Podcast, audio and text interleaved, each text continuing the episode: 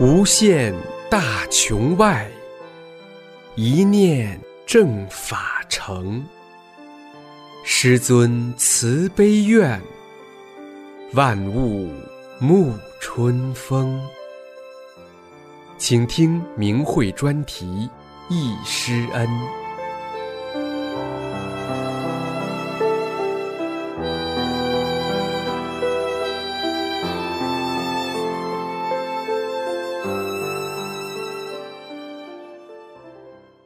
请听明慧忆师恩专题文章，题目是《佛光普照灌县大地》，纪念李洪志师傅来灌县传法十四周年。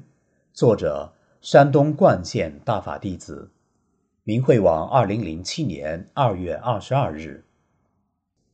引言：一九九二年十一月，一九九三年五月，师尊两次来到灌县。把宇宙的根本大法洒满灌州大地，在广传大法的日子里，有多少天南地北的弟子到这里来交流切磋？一九九九年七二零以后，这里又是邪恶重点迫害的地方之一。一万事因缘大法迁，冠县地处鲁西平原的西端，当燕冀之间，鲁卫之冲地，唐虞三代。冀州之域，州为晋冠氏，黄邑。建于春秋者为晋冠氏邑，汉为清渊县，唐避高祖讳，改名清泉县。宋金属大名府，原属东昌路。至元六年升为冠州，明清属东昌府，今仍属聊城市。东隔马家河和东昌府接壤。西临渭河，与河北省的馆陶为邻；南接深县，北连临清，东西广约四十公里，南北包约五十公里，面积一千一百五十二平方公里，县人口约七十万。冠县境内虽无高山峻岭，但古来河流高润，据传有鸿雁江、沙河、黄河、清河、赵王河、马家河。古屯河从境内流过，更有清渊、巧姑，也叫巧女泉、眼山。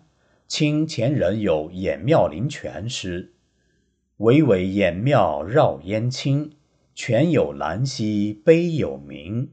萨六之时筹得正，甘霖底势筑山林。”等诸多清泉争相喷涌，一脉灵秀之气。土宇丰饶，林茂花颜，一派绝胜佳境。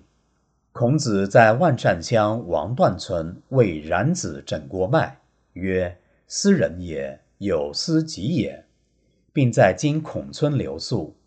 今城东北六公里张平村有纪念孟子的庙和小春亭遗迹。孟子在此小喻纵横家景春：大丈夫应该富贵不能淫。贫贱不能移，威武不能屈。孔孟二位圣人曾在此驻足讲学。孔子的学生冉子因热爱这片土地，死后还安葬在这里。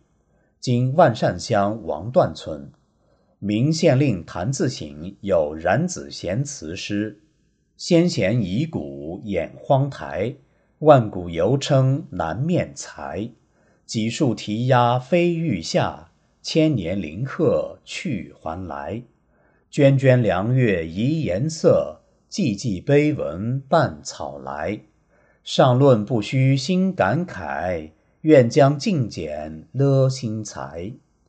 因此，冠县人多读书，男勤耕播，女勤纺织，人之孝义，多衣冠之族。太宗延昭曾在此挥杆催马，穆桂英据传是今新集乡东西骆驼山南边的木庄人，也在此大破军阵，军垒遗址尚存，可供凭览。礼佛敬神，代代相传，因此多善男信女，寺院道观参差错落，遍布县境，其中较为有名的四十多处。如城东的慈济寺、千佛寺，今地名七里佛堂；国宝寺、聚宝寺，今韩村；太平寺，今开河头；城南的元照寺，今马寨；三清观，今史村；白塔寺，据传因天神偷了李靖天王白色宝塔下界于此，今白塔集；白佛寺，今白佛头；圆通寺，今岩村。石佛堂，今史村；观音堂，今岩村；城北的佛圣寺，今消化村；万善寺，今万善；定慧寺，今刘少村；万寿寺，今韩路村；金刚寺，今张八寨；碧霞宫，今李固。城西有号为八十二座庙。七十二口井的唐朝寺院群落，今名唐寺。在县城内有吕祖堂，今城内文明街。慈济寺在县治东，慈惠庵在县治东南，观音堂在县治东南，紫薇观在县治西，开利寺在和惠街，旁有地藏庵。崇明寺在县治西。原初建有砖塔，明县令谭字行有“古塔高冲诗”，缥缈浮屠插碧空，凭虚四望极鸿蒙。当庭日午流圆影，歌书云开映落红。已汉世雄千尺玉，凌霄声度百灵峰。行行执孽灵蹭处。呼吸前通玉帝宫等，岁去年来，敬神信佛者日众，礼功谦让相袭，真修佛道者日增。感神佛护佑这一方沃土，芸芸众生早早来到这人杰地灵的冠县，就等大法开传那一天。明清已降，天灾人祸连连，相习问礼。礼佛修道之风渐微，寺庙道观也遭到破坏。为了保家，人们尚武成风，文盲越来越多。没有文化，那不是得法的大障碍吗？有什么办法能启悟世人呢？有一个人，我们必须说一下，那就是1838年出生于冠县柳林镇武庄的千古奇丐武训。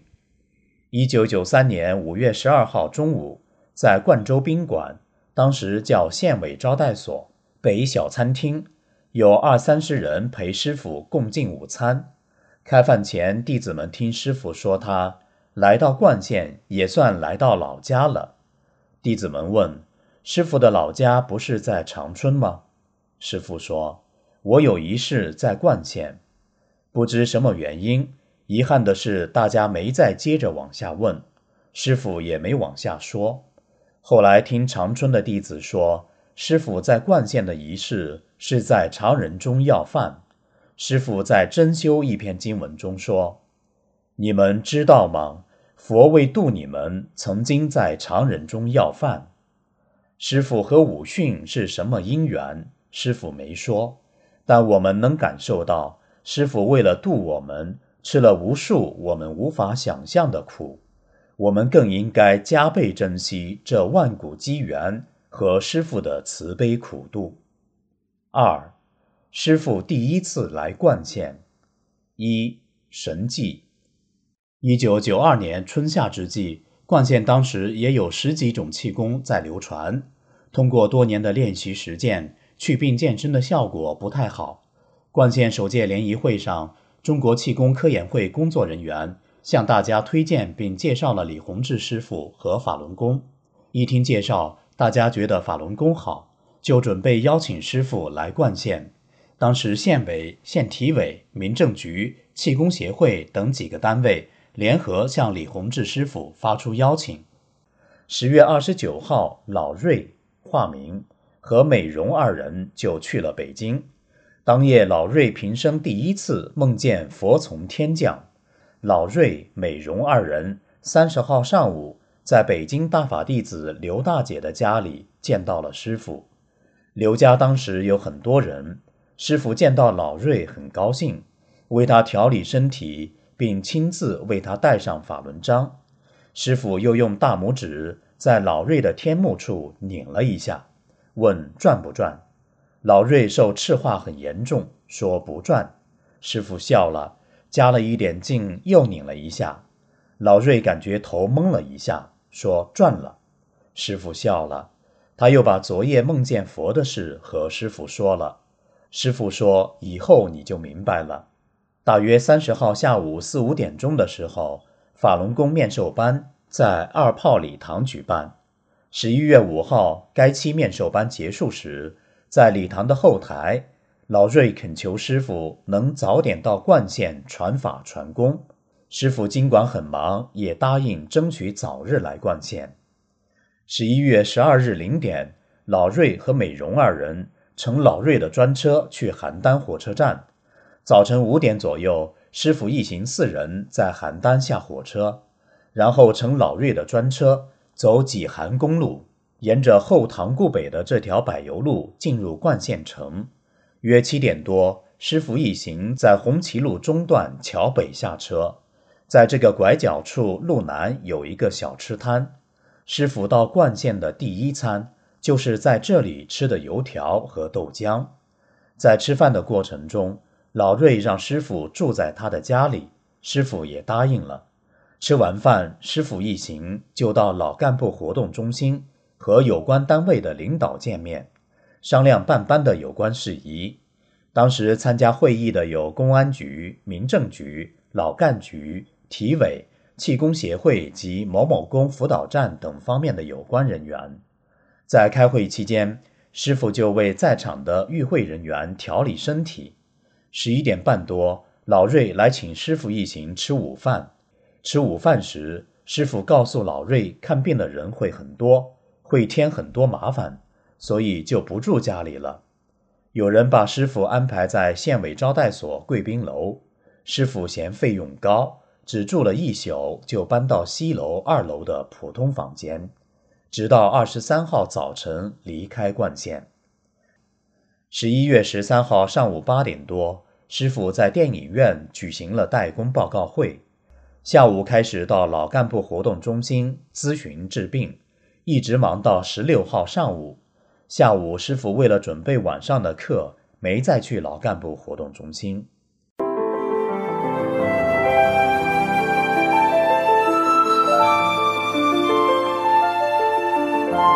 您现在收听的是明慧专题《易师恩》。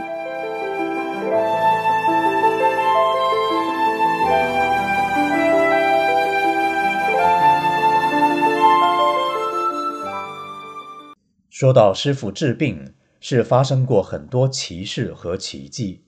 通过这种形式，让大家对大法有个初步的认识。当时来看病的人很多，看好一个收十元钱。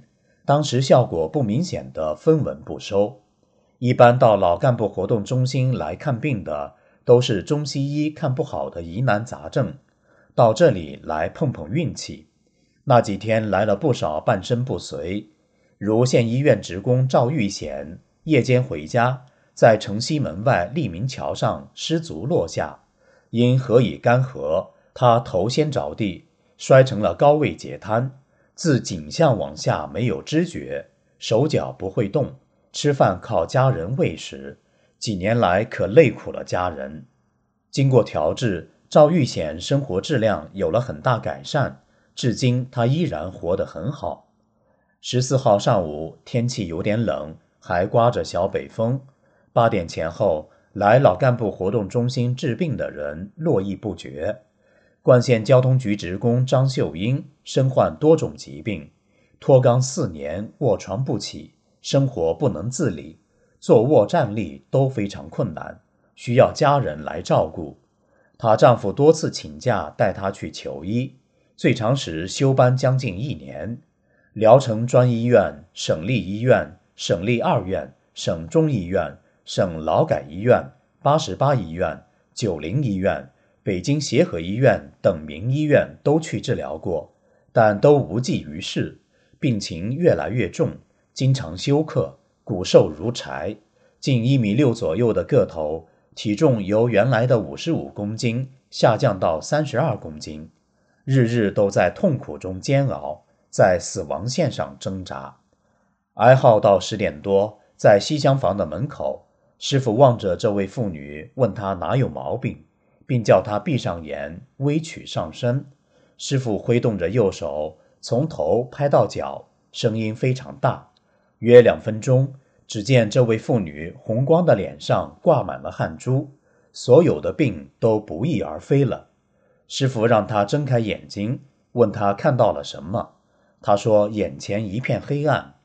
师傅让他闭上眼后再睁开，这时他看到了很多很多另外空间很殊胜的景象。他看到了师傅的佛体，所以他一下全明白了。师傅是来渡人的，是活佛在世呀。师傅让他骑自行车，他已经四年没骑自行车了。他悟性好，师傅指哪到哪，他立即骑上自行车。师傅让他骑快一点，刘大姐还说骑得越快越好。他就围着院子中央的一个大花池转了起来，欢喜的好似一个小孩子。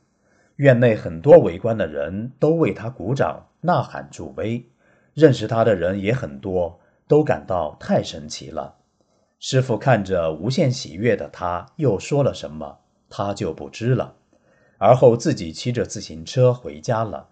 回家后就干起了久违的家务活，一边干活一边想：师傅治好了我的病，我能为师傅做点什么呢？十五号一早，他把闲了四年的自行车找了出来。准备去招待所找师傅当一名工作人员，也算为师傅做点事。但一看车胎前后都是瘪的，丈夫赶忙拿来气筒打好气，他就骑车到招待所找师傅去了。十五号这一天自行车很好，来回骑了两次没出什么问题。十六号早上一看前车胎没气了，丈夫又赶紧拿过来打气筒。打了半天也打不进去气，拔下气针一看，气针是光杆司令，哪里有胶套呀？再看后车胎和前车胎一样，夫妻二人吃惊不小，倍感神奇。师傅在冠县老干部活动中心咨询治病时，碰巧有一对兰沃乡的妇女也闻讯来到这里。小姑娘大约五六岁，得白血病，看了很多地方。哪个地方的医生都说不好看，看不好是不治之症。小姑娘的母亲是四川人，抛下她回去了，家里很穷，父亲带着她到处看病也看不好，还拉了很多新债。后来看不下去了，父女俩很无奈的在家待食而已。不知为什么这几天老想到县城走亲戚，到了亲戚家，知道了师傅咨询治病的消息。所以就找来了师傅，看着小姑娘，用手把她的病灶部位的业力打散，又抓下来很多不好的东西。眼看着小姑娘后背和腰部的淤血紫斑在逐渐消退，很快就接近于正常肤色，好了。这位小姑娘病就这样好了，痊愈了。亲人不敢相信这是真的，但这却是事实。小姑娘的病至今再没犯过，当然现在已经是大姑娘了，是两个孩子的妈妈了。在三天咨询治病中，出现了许多神迹，严重的心脏病、癌症、脑血管病、高血压等，手到病除的例子很多，就不再一一列举了。二传功传法，十一月十六日晚七点。法轮大法冠县第一期学习班在冠城镇会议室举办，因为人多，第二堂课改在冠县酒厂会议室，今已改为仓库。十七号晚，弟子用车送师傅到酒厂会议室，下课后，师傅自己走回冠州宾馆。直到最后一天，师傅都是来回步行，坚决不让弟子再用车接送。每天，师傅都是早一会儿出门。沿着这条红旗大街走到十字路口，拐向东，大约四百米是冠县酒厂。在这个拐角处路东，当年有一个人民理发店，即现在好多美时装店南半部这块儿。当年师傅在这里理过发，弟子们每天都是早早来到酒厂，恭候师傅的到来。师傅握着弟子的手，大家感到无比幸福。因师傅公开出来传法时间不长，弟子们还不懂什么是修炼，也不懂何时的礼节，就认为师傅是有高功夫的气功师，心里感觉轻。有些弟子早来也有和师傅握手、掌功快的想法。今天看起来，当时的想法是很幼稚的。可师傅每次都是很高兴的和每一个早来等在门口的弟子握手，脸上带着慈悲的微笑看着大家。有时也停下来和弟子说几句话，然后再进场。师傅一九九二年五月在长春首次公开传授法轮功。办了两期学习班，然后在北京办了两期，总第三、第四、第三站第八个班是十月十四日在太原矿机厂招待所举办。老瑞参加的是北京的第四期班，总第九个班。一九九二年十月二十七日至十一月五日在北京二炮礼堂举办，参加人数约一千五百人。主办单位为中国气功科研会公理功法委员会。而后师傅来到冠县，冠县是师傅公开出来传法的第四站，全国第十个班。虽然这是冠县最大的荣耀，但当时冠县的弟子们是认识不到这些的。在班上，师傅打出的功很强，不少人感觉发困热。十九号晚上，师傅说会议室的墙都在发光。在教功的时候，师傅让弟子们的手离身体不超过二十公分，在二十公分以内找契机。后来，弟子们每当想起和说起这些，都唏嘘感慨，眼含热泪，对师傅的慈悲苦度无以为报，只有坚定地走师傅安排的修炼之路，做好师傅交给的三件事。记得有一天开课前，师傅讲。这个法是传给人的，有些附体隐藏的很深，被人带进来的。你赶快去转生成人，再来得这个法。停了一下，又说：“不走的将被清除。”师傅说完，就见有五六个学员难受干呕，他们几个到礼堂门口一站，附体就走了。他们几个人回来后听法很正常，好像什么事都没有发生过一样。当时所有气功师都在讲祛病健身，师傅讲往高层次上带人。有些弟子不懂高层次在哪，好像问师傅能达到老子慧能那个层次吗？据有些弟子回忆，师傅指着屋顶说：“老子慧能等他们都在听法。”有弟子问师傅：“这个功能修多高？”师傅说：“如果如来这个层次有的话，我说他挡不住。”每个人的根基不一样，在班上的反应也不一样。有个学员第四堂课才来，他看到别人坐那结印闭眼，他也结印闭眼。很快他的天目就开了，看到师傅讲课的台上有山有水有亭台楼阁什么的，最后看到师傅是个大佛。这个学员后来到开封参加交流会时。还看到满场大大小小的法轮。冠县这期学习班原定十天，主办方嫌时间长，后来改为七天。师傅为弟子调整身体时打出的能量大猛，有的弟子听课时处于昏睡状态，师傅讲的课听得不太明白，是在以后的学法中才逐渐悟到师傅的伟大和慈悲。在班上。不少人说和师傅很熟，一点也不生。有的学员下课后陪着师傅回招待所时，提到自己前些日子做梦，有人在梦中相助等。师傅当时就做了解答。师傅还在班上讲：“三年前就管你们了，你能参加这个班，真是三生有幸，祖上积德，包括过世的亲人都跟着沾光。”二十二号下午，师傅上完课，已过开饭时间了。晚上七点还要上课，师傅仍在夕阳下与一部分学员合影。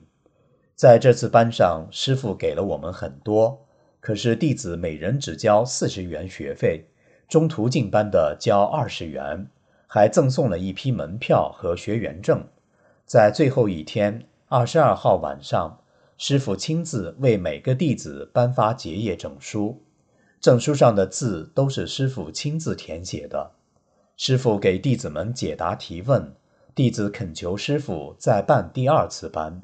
师傅也答应了，在结业仪式上，师傅亲自为冠县辅导站授旗。您现在收听的是明慧广播电台。您现在收听的是明慧广播电台。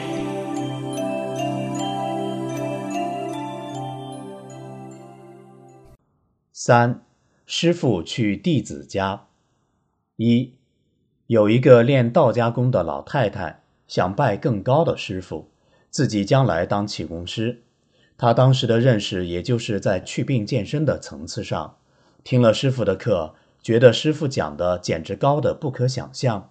他的大脑实际是容不下，因为没把以前道家的东西全倒出去。一下课，他就跑到讲台上跟师傅说：“要谦虚点，你在这儿说大话。”旁边可有高人听着呢，师傅笑而不答，因他一直是在用小道的形式来衡量师傅，而大法修炼是直指人心的，修的执着无遗漏才是关键。他还把师傅请到家，重复讲台上说的话，师傅仍然笑而不答。最后，他也慢慢听明白了。师傅多次进出那位老太太家的大门，师傅把重任委托给这个老太太。因看到一些问题，师傅第一次离开冠县时，还安排了两个弟子暗中帮助他。二，老瑞住的正房门外有一棵梧桐树，师傅用手拍了拍，师傅说树笑了。老瑞晚上打坐时，这棵树就放光。前些日子因多种原因，老瑞要刨这棵树，晚上给师傅上了一炷香，说了这件事。当晚，老瑞在梦中。见一只白羊奔东南去了。三，在县印刷厂的大门西侧有一个小门。大约十九号这一天上午，师傅和小李子因事来到这里。这里有一个曾在小道中求小树的学员。这个人拿出一个妇女的照片让师傅看。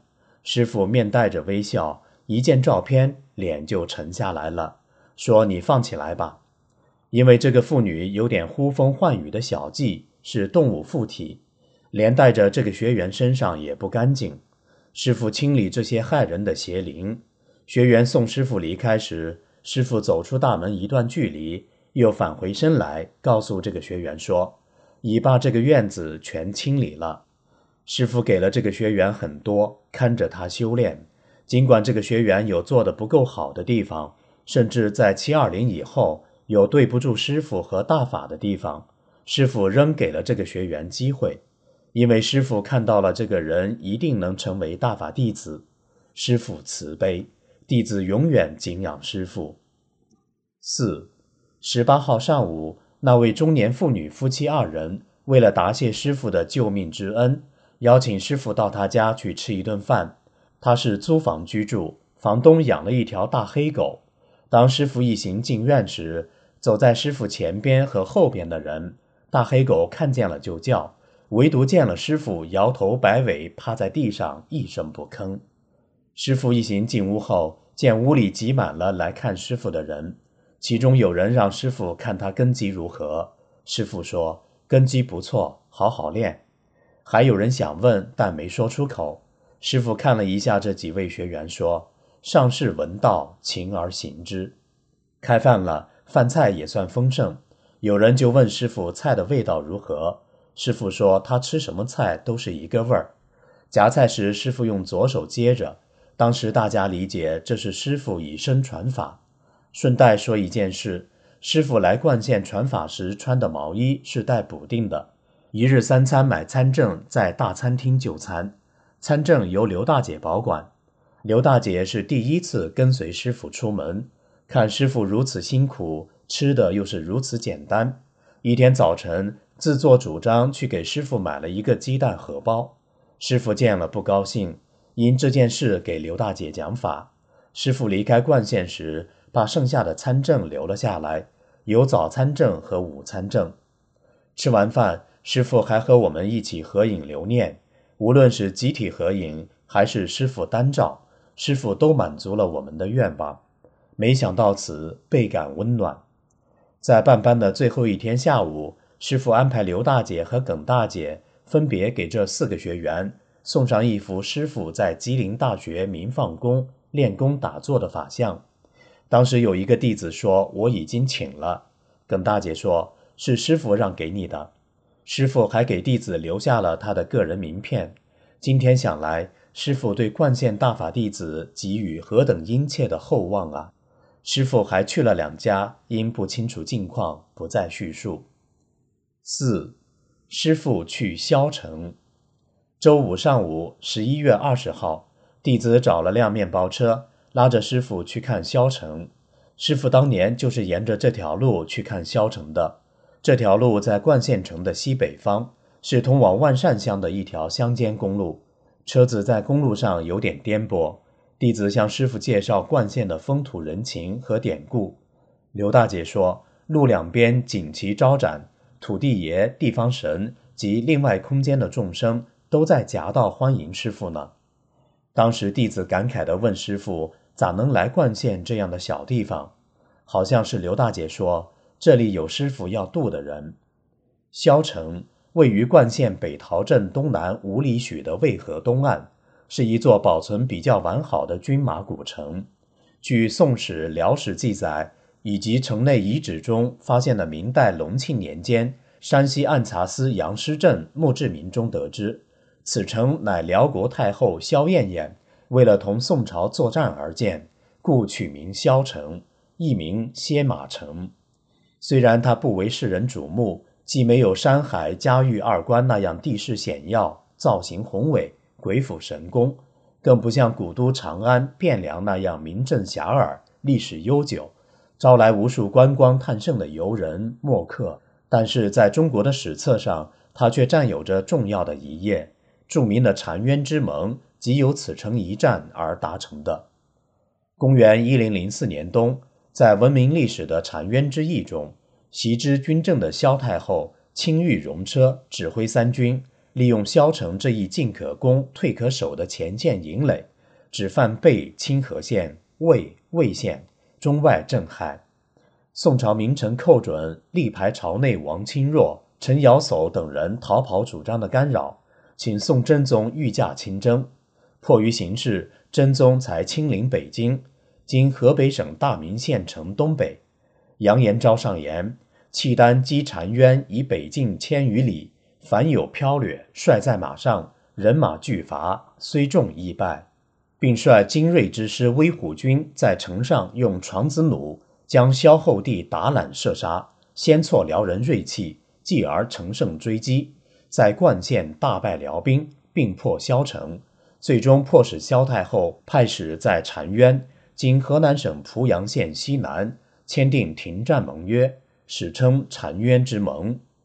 经登临萧城，当站到十三米高的城墙之上，环顾萧城内外，仍不免有那种战马萧萧、金笛飞鸣、寒光照铁衣之感。师傅在西门下车，在萧城碑前留影，沿着城墙自北向南，登上城墙的最高处，极目四野。师傅用功能推开时间的大门，看到座座辽军的营帐，还有掩埋战俘的万人坑。师傅在中街下车后，听当地人讲，在上世纪五六十年代，村外大白天也能看到仙女。师傅来到村西北角高出地面两丈多的点将台遗址，运用功能看到了这里当年的女统帅萧太后，脚穿皮靴，身穿战裙。头戴雉鸡翎，威武地站在点将台上检阅着辽军。师傅还不断地和刘大姐说着什么，因为刘大姐的天目也能看到一些。而后，师傅缓步走上被苍松翠柏环绕的点将台，并在上面和众弟子合影留念。下了点将台，向北到北城墙转了转。因天色尚早，弟子们问师傅是否去一趟大明，并在大明吃午饭。师傅答应了。五，师傅去大明。车子沿着东古城镇东边的幺零六国道前行，过班庄桥，走金滩镇。宋时叫金沙滩。据传当年双龙会时。杨大郎、杨二郎、杨三郎在此战死，也是穆桂英大破一百单八阵的最后一阵。在这里，我们看到了杨家路，在娘娘庙和顺道殿路边人家大门里隐蔽墙中央，大多有一个神龛，里边多数供的是关公。在这里，弟子是第一次听师傅讲关公被南方人供为财神的。大明历史悠久，是济南政治、经济、文化、宗教的中心。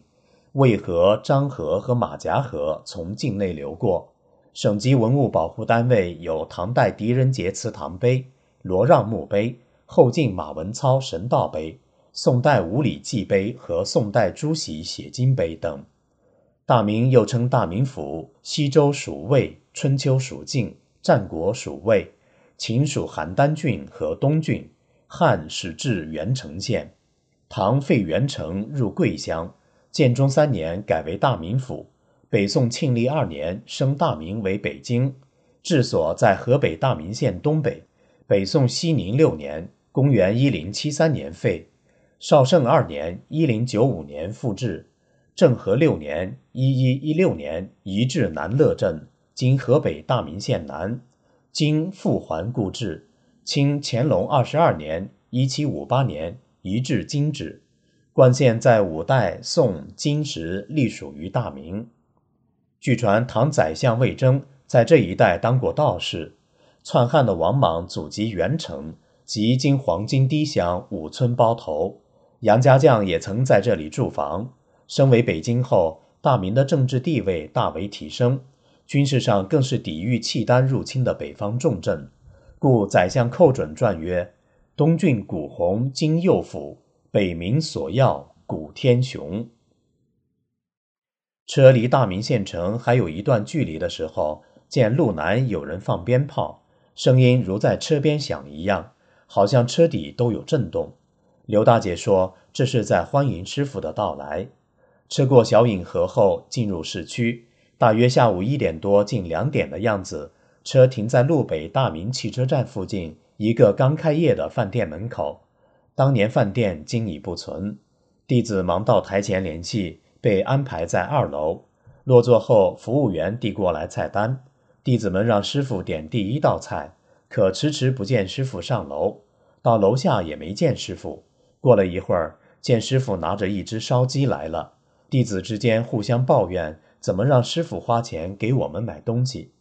师傅说是给司机师傅买的，因为当时用车时说是去一趟萧城，没说去大明，让司机多受累了，师傅就亲自没让刘大姐去买的烧鸡来慰问一下司机，还送给司机一个法轮章，还说了客气话。这件事让弟子铭心不忘。吃完饭，车子倒回来。在大明老城门外的街口停下，师傅在这里站了一会儿，看看大街，看看城门。师傅和刘大姐看到千军万马从城门奔泻而出，而后师傅从这个门进入大明古城的老街。师傅在这里留影纪念，因为登上城楼的角门锁着，工作人员不在岗，师傅未登上城楼。往南走了一段就返回来，在大门北边。师傅又停了一会儿，说：“这个门是明清时期的，宋朝的城址不在这里。”于是师傅让大家上车去找宋代的大明城遗迹。今天弟子查阅了一些历史资料，据《中国古代城市词典》，今大明古城始于清乾隆二十二年。师傅说的和历史完全吻合，而弟子当时什么都不知道。车在小引河的桥上停下。师傅下车为弟子的相机装上胶卷，胶卷是师傅的。小引河是漳河、渭河的支流，在大明城东郊，自南向北而去。漳河从临漳流经耶，再到大明。当年西门豹曾经治耶，今安阳北。在中学语文课本里有一篇《河伯取妇》的文章，讲的就是西门豹治耶时的一件事。师傅把这一件事利用照相机取景器，让弟子轮流看当年的这一幕。但见桥南河的西岸红旗招展，人头攒动，锣鼓喧天。车继续东行不远，拐向北，约行三公里，来到大街乡教善村。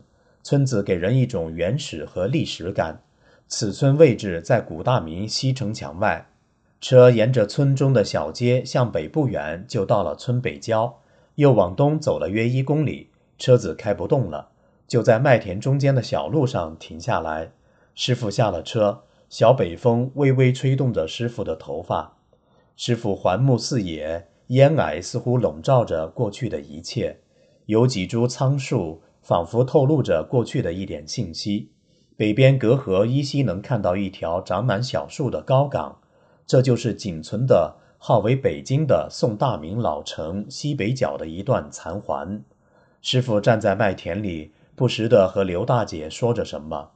师傅看到宋代大明城那繁荣的街市，那巍峨的城楼，还有城楼上威武的杨家兵。在这里，刘大姐给师傅拍下数张照片。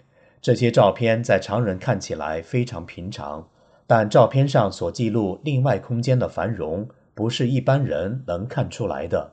在拍照的过程中，弟子好似记得师傅不经意间说过，那里有好大一片寺院，非常雄伟壮丽。其他人环顾四野，但见苍树孤立，雾霭缥缈。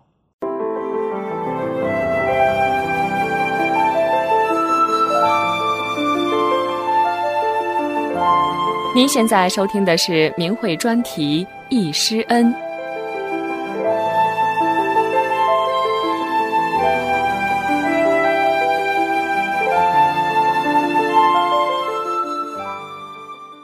今天弟子们才知道，师傅来过的这片麦田是大街乡教善村东宋大名府西城角边的一块，在这里向北小引河北岸偏西一点数里之外。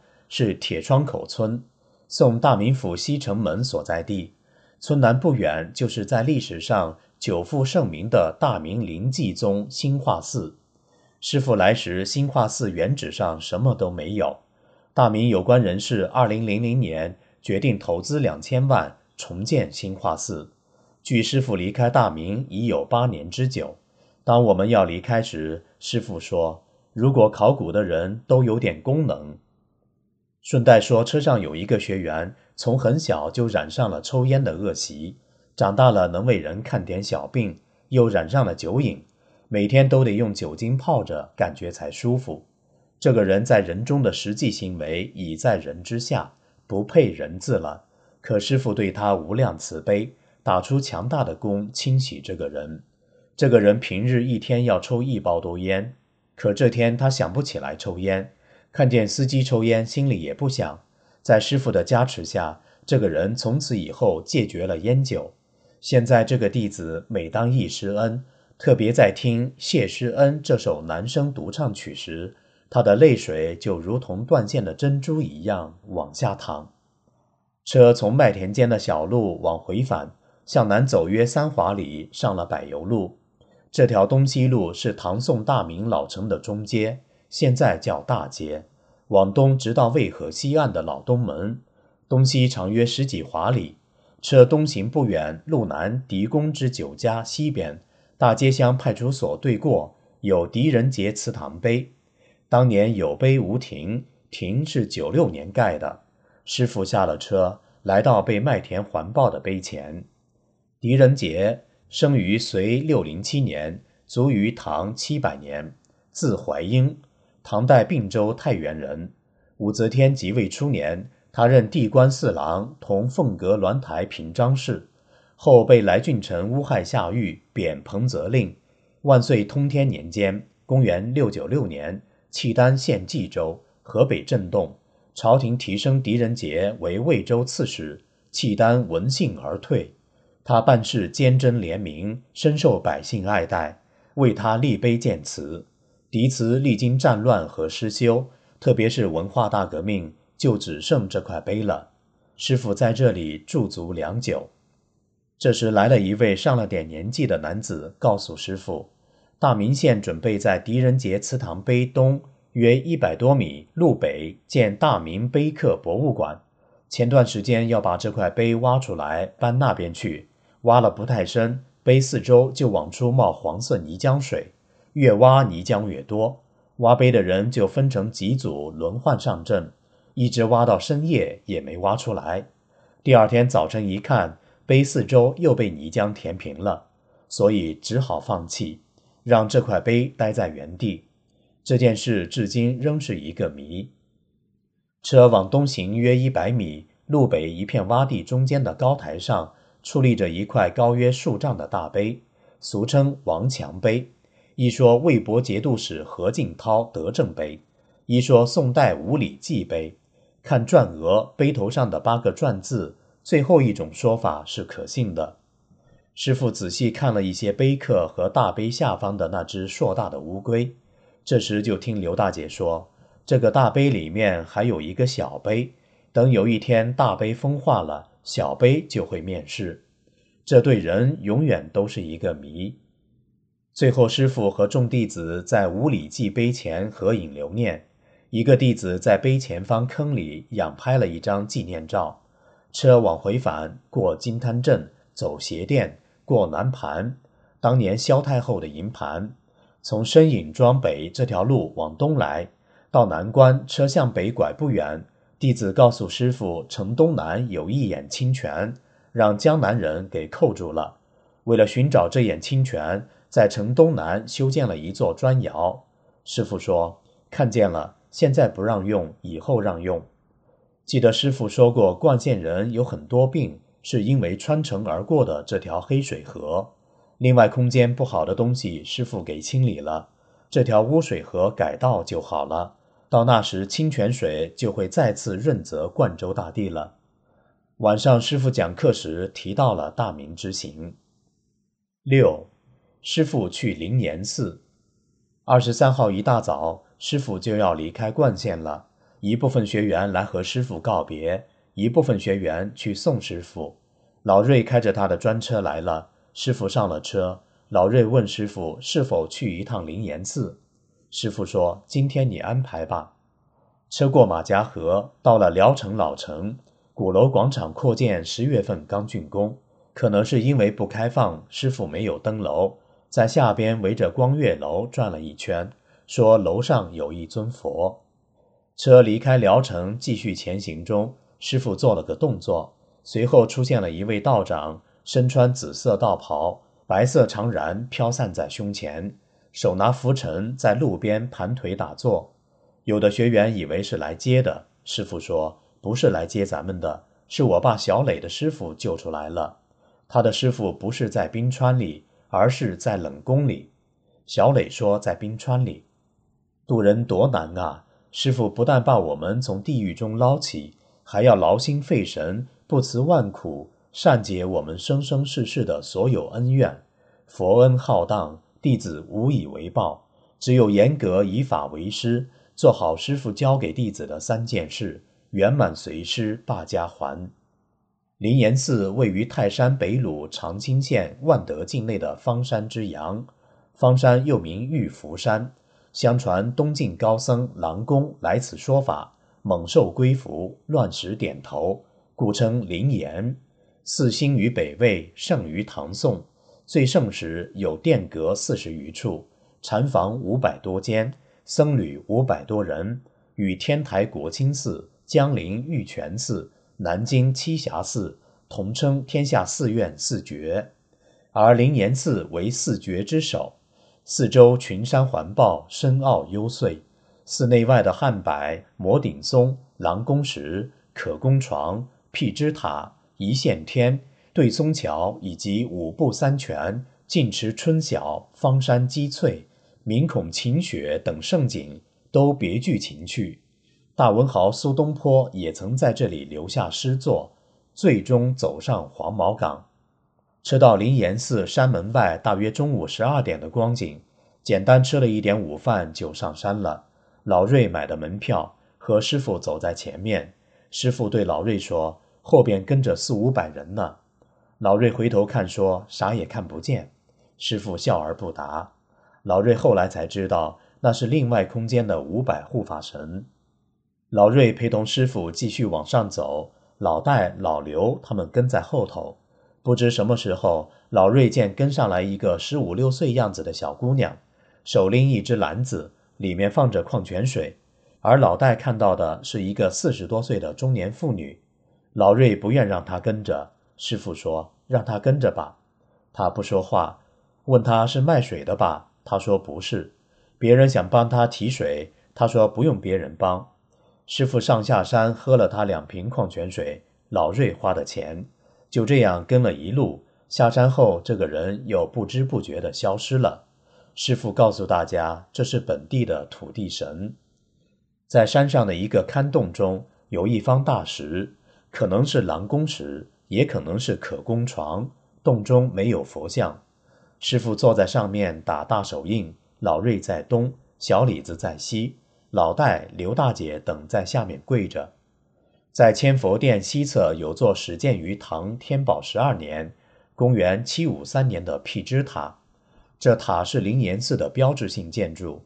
应老瑞的请求。师傅在这里和众弟子合影留念，又单独和老瑞拍了一张。这时天色已晚，该吃晚饭了。师傅来到山脚下的一个饭店，点菜时有人点炒佛手，师傅说：“你们吃，我不吃，脸色不好看。”这道菜没点，是师傅点到了那个人对佛的不敬。后来，一九九六年十一月，师傅在北京国际交流会讲法上说。过去的人谈起佛来，会升起无限敬仰的心，在非常殊胜的状态中讲起佛、菩萨、罗汉。可是今天的人谈起佛来，随口而出，非常的不在意，好像很平常。这是人类不信有神发展到这一步造成的。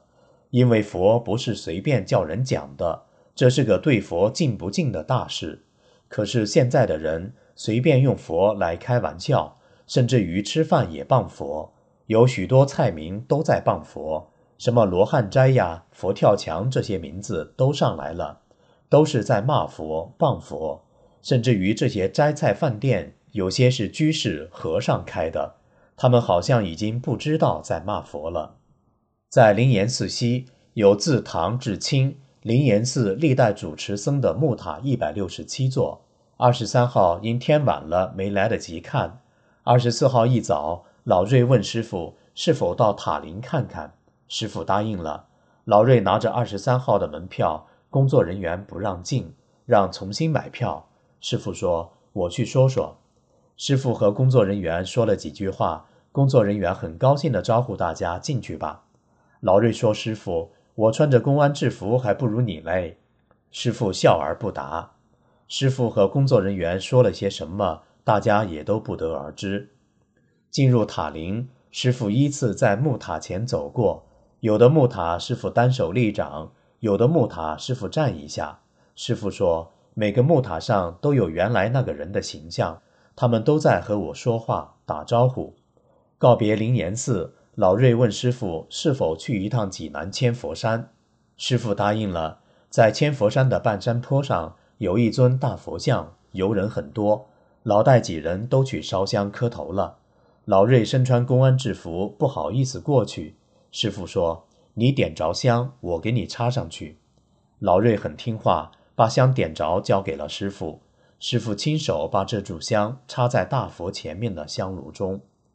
往上走，到了兴国禅寺，有一位约六十岁左右的道人，把师傅让到一间客房里，为师傅泡了一壶茶。师傅没有喝。说了几句话就告辞了。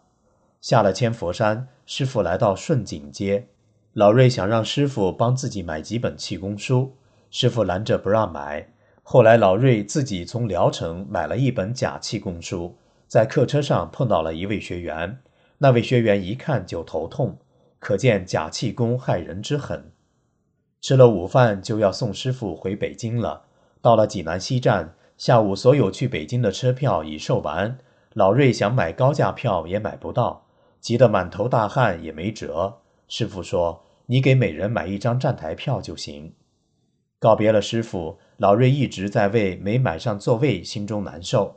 到了晚上，刘大姐打来电话，说师傅上的这节车厢里基本上没有人，其他车厢爆满，他几个一路上都在睡觉。老瑞听后感到既欣慰又神奇。回京后，师傅一直牵挂着冠县的弟子。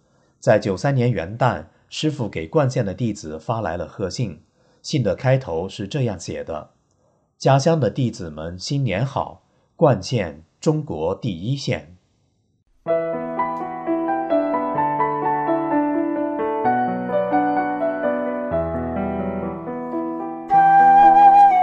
您现在收听的是明慧专题《忆师恩》。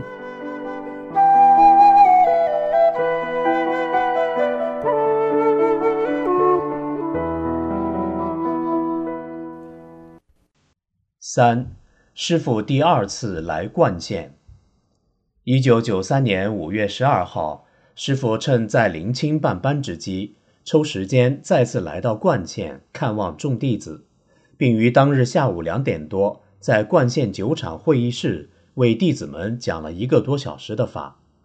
应临清市气功协会的邀请，师傅于五月七号上午来到临清，下榻于临清市政府招待处（今明临清宾馆）。师傅当年住宿过的小楼、办班讲法的大礼堂及和冠县弟子一起进餐的餐厅，今已不存。八号晚上，在临清市委招待所（以下简称市招）的会议室，市有关领导和工作人员举行了欢迎仪式。冠县也有三十多人参加了欢迎仪式。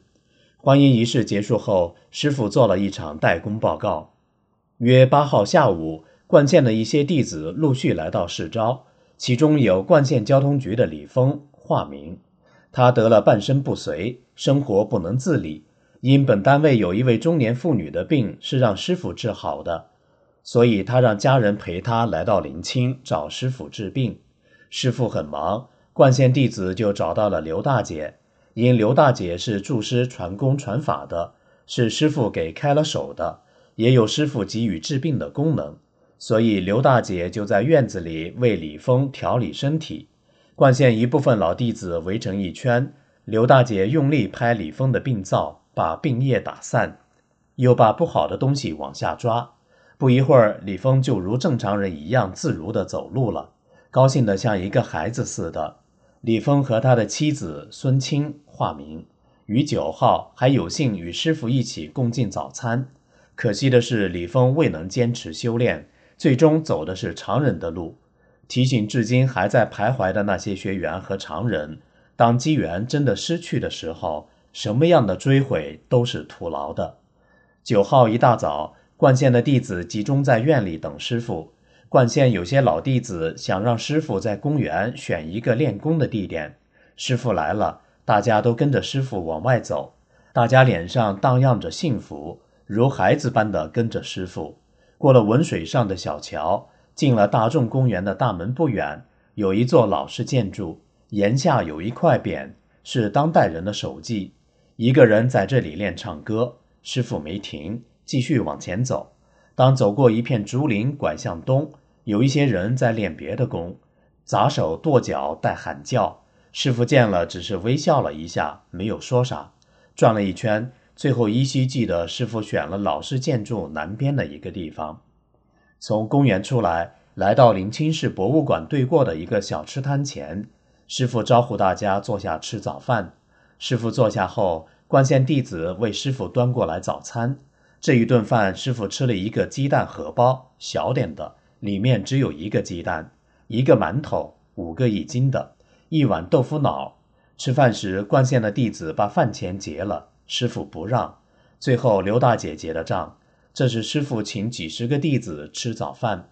写到这里，我们无法再用语言来表达对师傅的一片感激之情了。吃完早饭。师傅又招呼冠县弟子在博物馆前合影留念，然后师傅让刘大姐告诉大家，为了让临清人民对大法尽快了解，师傅决定咨询治病一百人次。为了不影响师傅，冠县的弟子就不要去了。就这样，我们才恋恋不舍地和师傅告别。不参加班的弟子就回来了。自1992年11月到1993年5月，短短半年的时间，冠县的弟子由一百多人发展到三百多人。由于多种原因，主要是对修炼认识还不够深刻，所以只有十几人留下来坚持参加班。其他人和师傅告别后就回去了。回来的人一说师傅在临清，冠县的弟子很想见师傅，盼望着师傅能再来冠县。师傅满足了大家的愿望，挤时间于五月十二号星期三上午来冠县看望大家。德性早的弟子一早就在老戴家等候，半晌去的也很多。大家平时感觉有很多话想说给师傅，但见面后又不知道说什么。师傅坐在正房客厅靠西墙北边的这个单人沙发上，不时解答着弟子提出的问题。这次陪师傅来灌县的有刘大姐、小李子及林清的几位同修。午饭安排在县委招待所北小餐厅，今已不存。大约有三十几人陪师傅吃午饭。开饭前，师傅说：“来到灌县，我也算来到老家了。”弟子问：“师傅的老家不是在长春吗？”师傅说：“我有一事在冠县。”当时众弟子不解，经过学法实修一段时间后，才理解点其中含义。直到长春弟子说：“师傅在冠县的仪式是在常人中要饭。”这时冠县弟子才似乎明白师傅与冠县的特殊因缘及师傅为了度这一方人的良苦用心。这时餐厅外下起了小雨，众弟子沐浴着主佛的恩泽。吃过午饭，约下午两点，师傅来到冠县酒厂，现名冠宜春酒业有限公司。众弟子早早来到这里欢迎师傅的到来。因刚下过雨，有一部分路远的弟子未能参加。师傅走上那熟悉的讲台，全场爆发雷鸣般的掌声。师傅示意大家安静下来。众弟子感觉和半年前一样，师傅又在给我们讲法了。师傅首先简要介绍了法轮功这半年来的发展情况，并一再强调学法修心的重要性，并为冠县弟子带来了刚出版的大法书《中国法轮功》。临清班一结束，就给了冠县一百多本，还答应临清班上的讲法录音给冠县弟子一套。师傅还解答了部分大法弟子的提问。最后，师傅亲自为大家去病。因为有刚进门的，也有一部分常人，也是这一部分人的缘分福分。师傅站在讲台上，左手拿着麦克风，告诉大家想一下要去的病，然后就放松站好，双目闭上。如果自己没病，就想一下自己亲人的病。只见师傅巨手一挥，对着全场人一抓，问：“好了吗？”有的说好了，有的说没好。师傅说。再给大家去一个病，悟性好的就沾光了，因为病是不能随便去的。师傅又抓了一次，大多数人的病好了，也有极个别没好的。在下面的座位上有亲家俩，其中一位老太太有乙肝病约二十多年了，已发展到了腹水，饭也快吃不下了，中西医皆束手无策。换句话说，也可能是大限快到了。上午，他儿子找到师傅说了一下情况。师傅听完，就随手把桌子上的香蕉掰下了两个，双手捂了一会儿，递给了他儿子。他儿子忙说：“我不吃。”师傅说：“不是给你吃的。”他儿子一听明白了。在师傅讲课前，这位老太太吃了师傅发功的香蕉。师傅抓病时手一挥，他就感到右边肝区一股凉气顺着右腿下去了。从此乙肝病不翼而飞。这位老太太至今修炼很坚定，按师傅的要求修自己，讲真相，救世人。小学一年级的学历，能流畅地读大法书，这样的弟子在冠县大有人在。师傅要走了，众弟子送师傅到大门外，直到师傅坐的车远去了，大家才恋恋不舍地慢慢离去。师傅回临清了。有一部分弟子于十五号星期六到临清看望师傅。师傅是不收馈赠的，不喝酒也不喝茶。在冠县有人送茅台酒给师傅，师傅婉拒了。下午到的弟子一进师傅住的房间，见师傅正和林清一个姓王的中年妇女说话。小李子招呼大家坐下，每人泡了一杯茶，还让吃橘子。师傅送客回来和我们说话，让喝茶吃水果。师傅也端起水杯，我们一看师傅的水杯里有茶叶，就问师傅是什么茶。师傅指着老瑞说是他的。老瑞在一边微笑。师傅破例收下老瑞供养的一包茶。老瑞手里拿着师傅穿着毛衣打坐的法相和一本刚出版的《中国法轮功》书的扉页上有师傅给他的题词：“一心修正法，更上一层楼。”后来这本书陕西的一个学员请过去看，后被冠县公安局的恶警抢走了。其他弟子也请了师傅的新法相。师傅这次班上带来的书。办班结束后，把大多数给冠县的弟子留下了。晚饭前下了一阵小雨，空气格外清新。一部分弟子在院中和师傅合影留念。完了，师傅招呼我们几个和师傅共进晚餐。老瑞买了一箱果汁，喝到嘴里，甜到心里。晚饭后是最后一堂课，课前有一个简单结业仪式，有一个患有乳腺癌的女学员发言。医生判了她死刑，一个班下来，绝症不翼而飞。激动的她在台上说不成话，泪水一直往下淌，其情其景感人至深，铭心难忘。您现在收听的是明慧广播电台。您现在收听的是明慧广播电台。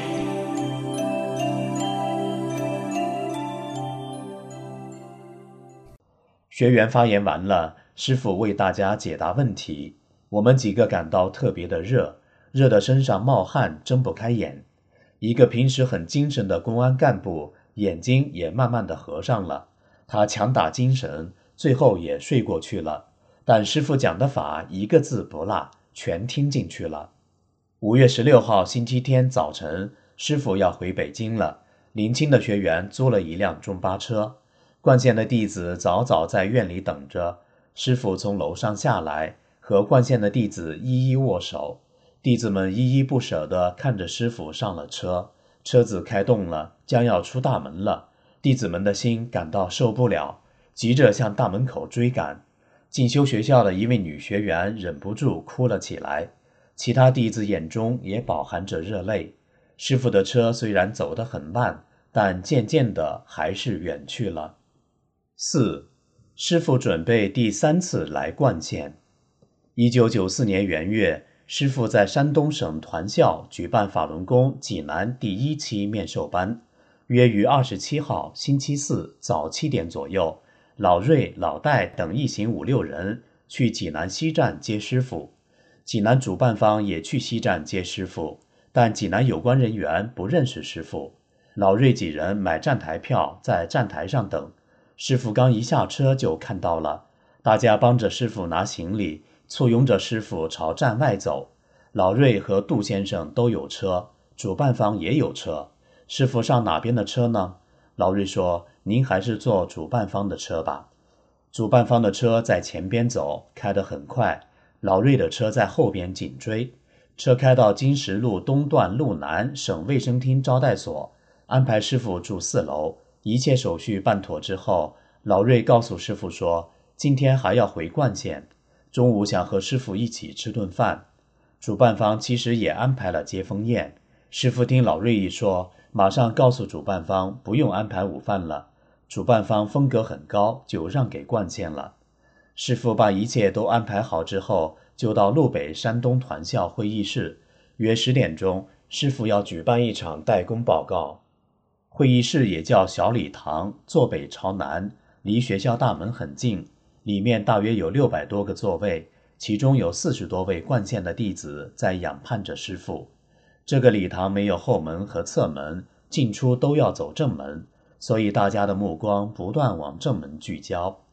快十点的时候，师傅来了，师傅的女儿也来了。冠县弟子迎上去，师傅微笑着，边和大家握手，边往台上走。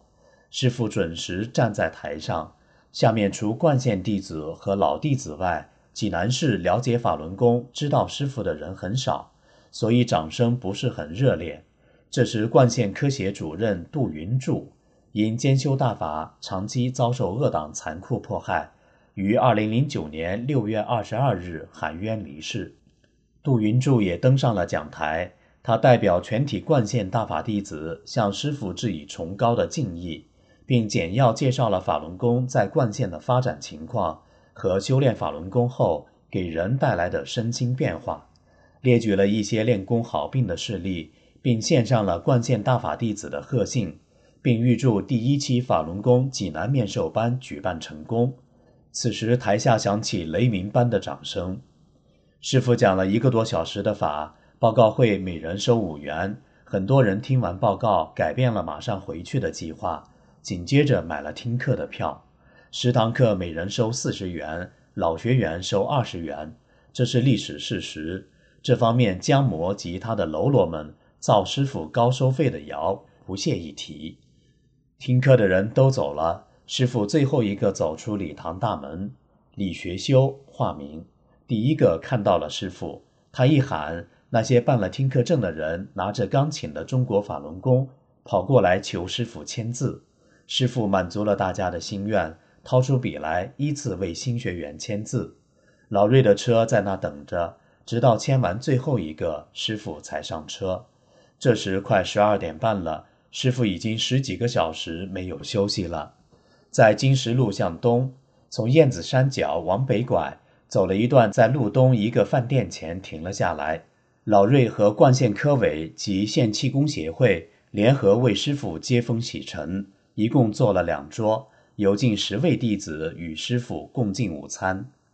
吃完饭，李学修为师傅打开饭店的门，师傅下了台阶，他又为师傅打开车门，师傅坐司机右边，李学修关上车门，师傅把车窗摇下来，面向东，告诉他冠县弟子的功稳步往上涨。吃饭时，师傅还告诉老瑞，整个冠县城的上空一片红。回到招待所，李学修把科委送给师傅的一箱苹果搬到四楼，然后大家和师傅告别。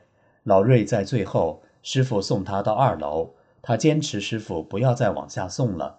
说话时眼中闪出了泪花，师傅也舍不得他走，这是他最后一次见师傅。师傅去过灵岩寺，冠县大部分弟子都知道，所以在班上有几个弟子也去灵岩寺。重温师傅走过的路，这几个人晚上下课后去见师傅。师傅尽管很忙，还是接见了这几个弟子，并让小李子把鸭梨分给大家吃。开课第一天，冠县弟子就吃到了师傅从天津买的发过功的大麻花。其中一个弟子说：“这个梨我不吃了，我母亲身体不好，请师傅发一下功，我带回去给母亲吃。”师傅接过梨，双手捂了一会儿，交给了这个弟子，然后又拿了一个让他吃。大家像一群孩子一样围着师傅吃东西。师傅很高兴。其中有三个人说，因工作方面的事，明天一早就要回去了。师傅听后说：“不回去不行吗？”其中两个说：“工作上如何如何，不回去不行。”师傅听后沉默了好长时间，说：“那回去就回去吧。”师傅非常不愿意这几位回去，其中一个弟子一看，马上说：“我还回来呢。”大家说了一会儿话，和师傅告辞。师傅送出门，站在门口等大家下楼去，师傅才回房间。开班后的第四天是礼拜天，师傅原想这天第三次到冠县看看众弟子。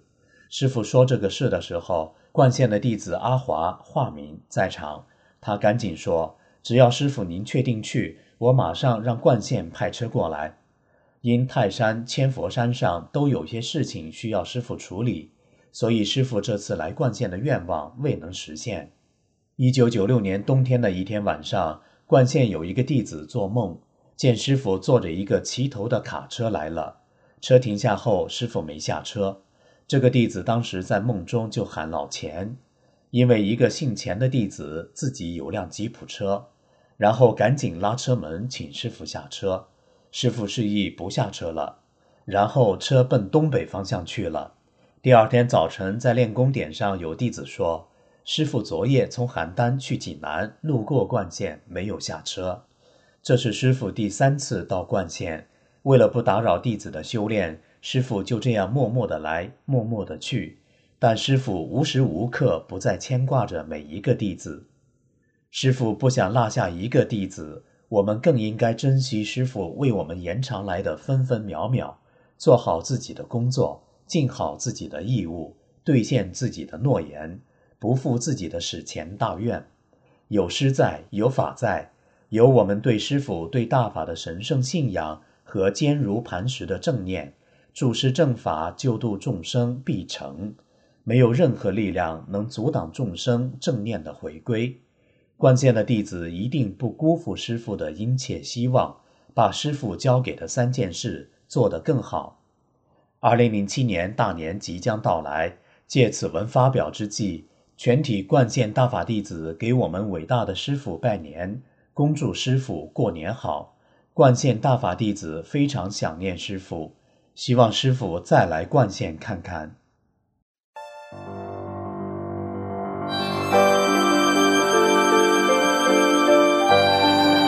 这次的易师恩就到这里，谢谢收听。